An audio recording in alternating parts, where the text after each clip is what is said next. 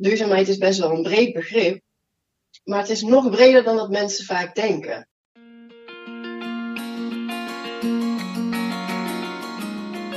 Van harte welkom bij Zakelijk Ontmoeten, een podcast voor de meetingwereld, gepresenteerd door worldmeetings.com.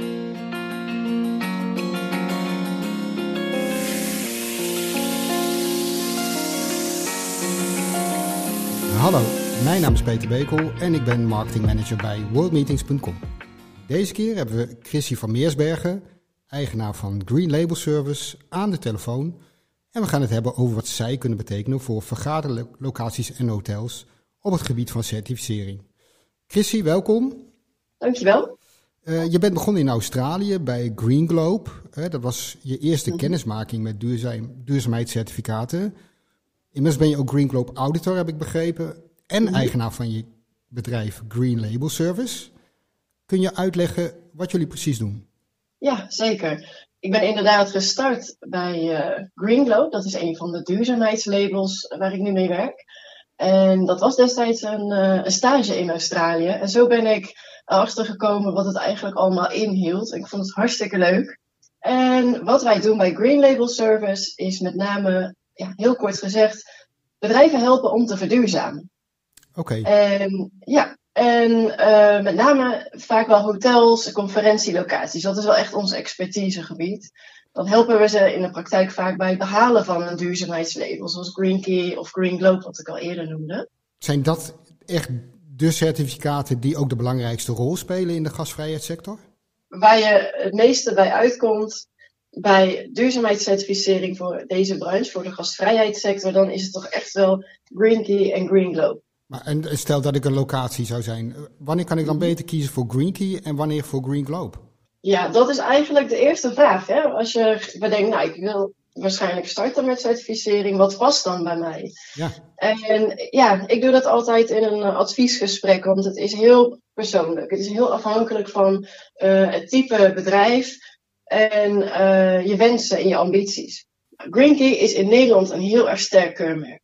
Dat zie je bij uh, inmiddels uh, meer dan 700 locaties. Uh, dus Green Key is hier erg bekend. En Green Globe, die zit eigenlijk meer internationaal. Dus je hebt in Nederland ook best wel wat leden. Maar Green Globe is wat internationaler vertegenwoordigd. Dat zie je in meer landen.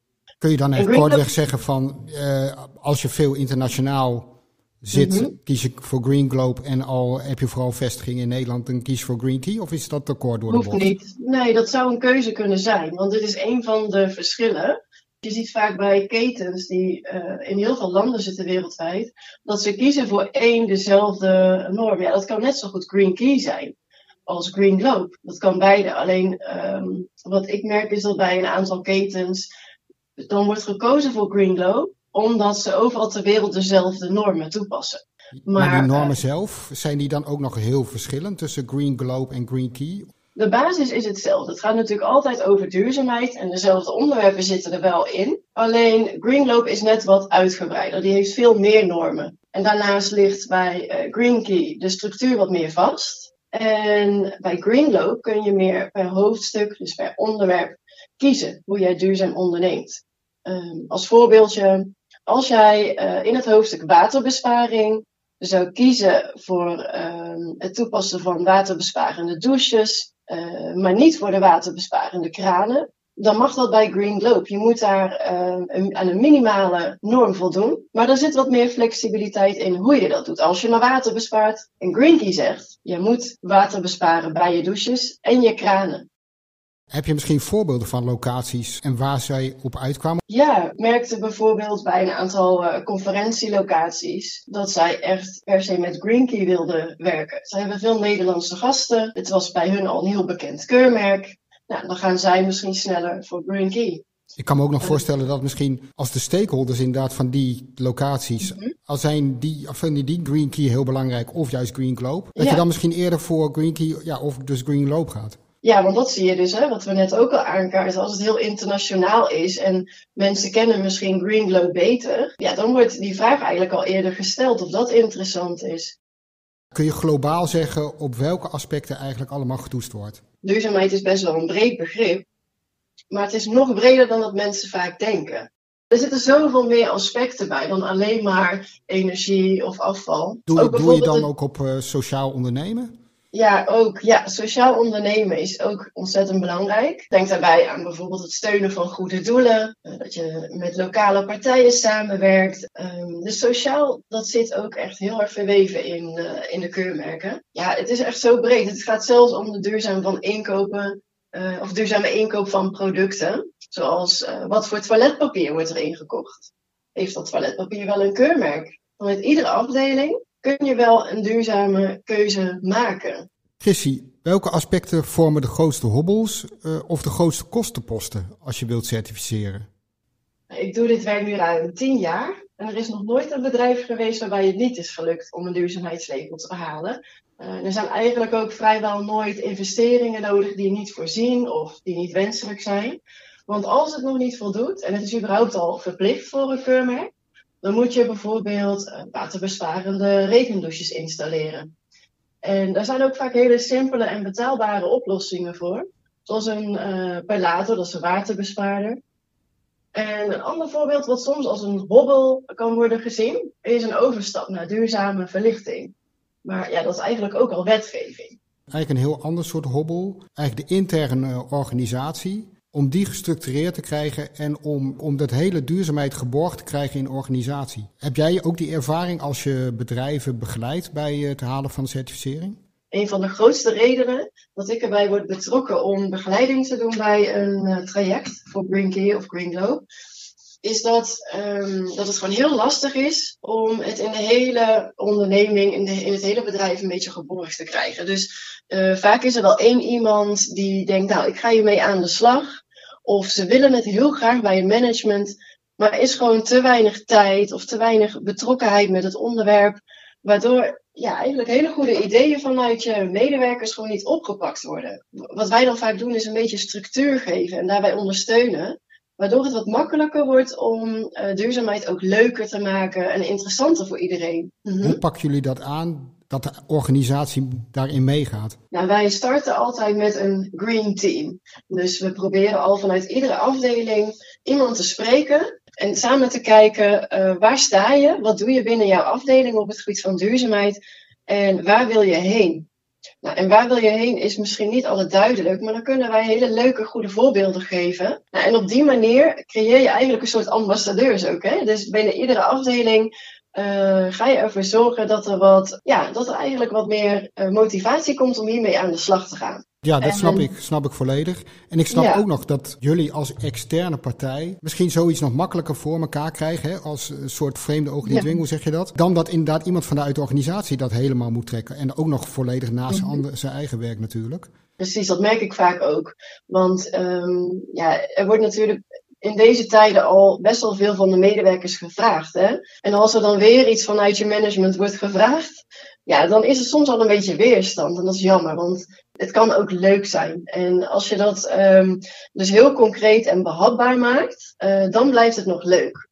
Hoe lang duurt zo'n traject en hoeveel tijd moet je er als locatie in stoppen? Nou, wat we zien als wij de begeleiding doen, dan is het vaak zo dat vanaf het moment van de eerste afspraak, bij de eerste uh, ja, echt kennismaking op locatie, uh, vanaf dat moment duurt het meestal zo'n vier tot zes maanden voordat we de keuring hebben. We starten dus na die eerste afspraak meteen met een actieplan, waarbij we gewoon aangeven nou, welke informatie hebben wij nodig en van wie.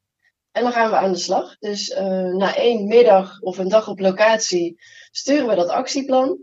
Dan gaan wij alle informatie verzamelen hebben we vaak ook nog een tussentijdse meeting op locatie om weer even wat vragen te beantwoorden en uh, de voortgang te bespreken. En ja, na vier tot zes maanden dan is het echt wel heel haalbaar om een, uh, een keuring te plannen. Waar we overigens ook bij zijn altijd. Kun je aangeven hoeveel tijd je spaart als je met jullie in zee gaat? Ja, dat is heel wisselend. Dat komt omdat iedere locatie weer anders is. En het hangt er heel vaak mee samen of iemand al bekend is met duurzaamheidscertificering. Kun je, ja, kun je concreet nog zeggen van welk ding pakken jullie eigenlijk op mm -hmm. ten, en welk, pak, welk ding pakt het bedrijf op? Het begint eigenlijk al met het kennen van de normen. Wat is er nodig om dit keurmerk te behalen? Dat wordt eigenlijk al helemaal door ons overgenomen. Wij kennen die normen van binnen en buiten. Dus wij komen heel concreet met ja, welke informatie hebben we nodig voor die normen. En we stellen de juiste vragen direct bij de juiste personen, zodat je niet um, daar zelf steeds achteraan hoeft en uh, ja, echt aan het zoeken bent van ja, wat wil een keurmeester zien? Welke informatie moet ik noteren en welke bewijzen moet ik verzamelen? En waar bedrijven vaak heel erg blij mee zijn, is dat wij daarnaast veel administratie overnemen. En we geven altijd duurzame tips die bij het bedrijf passen. Uh, en wat je ook vaak ziet bij bestaande projecten, dus als een locatie al, uh, al een, een, duurzaamheidslabel heeft, er is natuurlijk heel veel verloop van personeel in deze sector, waarmee ook de kennis vaak verdwijnt. Dus heb je al een keer een Green Key keuring gehad, wil het niet zijn dat bij de volgende Green Key keuring die kennis er nog is. Dan naar de audit. Wat komt er allemaal bij kijken en wie zit er allemaal bij? Ja, een audit of een, een keuring, dat begint eigenlijk altijd met eerst even een gesprek met de keurmeester. En er zit dan vaak ja, minstens één iemand van het Green Team in. Dan gaan we samen met de keurmeester rondlopen. Dus in het hotel of op de vergaderlocatie ga je gewoon alles bekijken wat de keurmeester wil zien. En dat kan zijn, uh, wat voor soort printpapier heb je? Heeft dat een keurmerk? Welke schoonmaakmiddelen hebben jullie?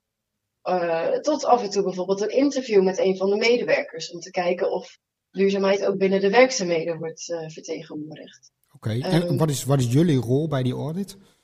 Ja, wij zijn er altijd bij als ondersteunende factor. Dus uh, ja, wij kennen natuurlijk alle keurmeesters. Wij weten vaak ook waar moeten we op letten. Tijdens een keuring zijn wij degene die de vragen beantwoorden als iemand even vastloopt. Of we geven nog even een extra hintje. Hè? Als bijvoorbeeld een keurmeester vraagt: uh, ja, vertel eens over jullie goede doelen. Wat hebben jullie gedaan in het laatste jaar? Ja, en de persoon aan wie het gevraagd wordt, die komt maar op één voorbeeldje op dat moment. En ik kan er dan vaak nog wel vijf andere bij benoemen. Dus het is ook een ondersteunende rol om uh, die keuring wat soepeler te laten verlopen. Maar het is echt ondersteunend, want het bedrijf zelf uh, die laat natuurlijk zien wat er allemaal gedaan wordt en hoe duurzaam ze ondernemen. Dat klinkt super interessant. Maar mm -hmm. welke kosten, met welke kosten moeten ze rekening houden? Ja, ook dat varieert heel erg. De lidmaatschapskosten voor Green Key of voor Green Globe, die staan ook altijd op hun eigen website. En uh, voor een kleinere locatie kan het al vanaf, ik geloof, rond uh, 650 euro per jaar bij Green Key. Is duurder, dus er zitten verschillen in ook qua kosten. En uh, als iemand begeleiding zou willen, dat is altijd op aanvraag. Dat, dat, dat zou bij Green Label Service bij ons dus aan te vragen zijn, omdat het altijd maatwerk is en we kijken echt, uh, ja, hoe kunnen we je het beste ondersteunen. Dus voor consultancy zijn de prijzen op aanvraag. Dat staat natuurlijk ook niet bij die lidmaatschapskosten op de website. Als locatie, als je het eenmaal hebt, kun je er misschien ook commercieel gebruik van maken? Ja, absoluut. Um, sterker nog, het, het, is een van de belangrijkste redenen vaak voor een uh, locatie om te starten met uh, een duurzaamheidslabel. Omdat veel bedrijven en met name overheidsinstellingen ook een vereiste hebben voor een duurzaamheidslabel tegenwoordig. Want steeds meer bedrijven hebben zelf een duurzaam inkoopbeleid.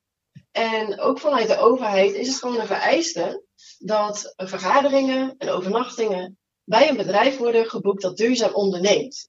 En het meest tastbare is een duurzaamheidslabel, wat ook extern wordt gecontroleerd. En uh, los daarvan, want dat is B2B, wordt het ook steeds belangrijker voor de leisuregast. En ze hechten er heel veel waarde aan dat uh, ook tijdens de vrije tijd dat er gewoon uh, aandacht is voor mens en milieu. Want al in 2018, dus nog geruime tijd hè, voordat corona überhaupt met de sprake was, in 2018 was het al zo dat de guest reviews qua score 7% hoger lagen bij bedrijven die een duurzaamheidslabel hadden. Allerlei goede redenen om als locatie aan certificering te beginnen. Wat voor aanbod kun je doen aan locaties die geïnteresseerd zijn in certificatie naar dit verhaal? Nou, om nog één aanvulling te doen, uh, om nog even terug te komen om waarom zou je duurzaam ondernemen. Want we hebben het nu gehad over de gasten, hè, dus uh, zakelijk en leisure. Ja. Maar binnenin jouw bedrijf heb je medewerkers. En ook dat zie ik steeds meer terug, dat medewerkers het gewoon ontzettend belangrijk vinden om te werken voor een bedrijf dat iets doet aan maatschappelijk verantwoord ondernemen. Vooral jongeren die willen voor een bedrijf werken dat niet alleen maar commercieel is. En deze tijd waarop het moeilijk is om uh, medewerkers te krijgen, is natuurlijk zeker een goed verhaal. Ja, absoluut. Ja. Wat voor aanbod kun je doen aan locaties die geïnteresseerd zijn? ja, als er locaties zijn uh, die zeggen, nou, misschien past het wel bij mij, maar ik weet het nog niet, dan kunnen ze sowieso altijd met me overleggen.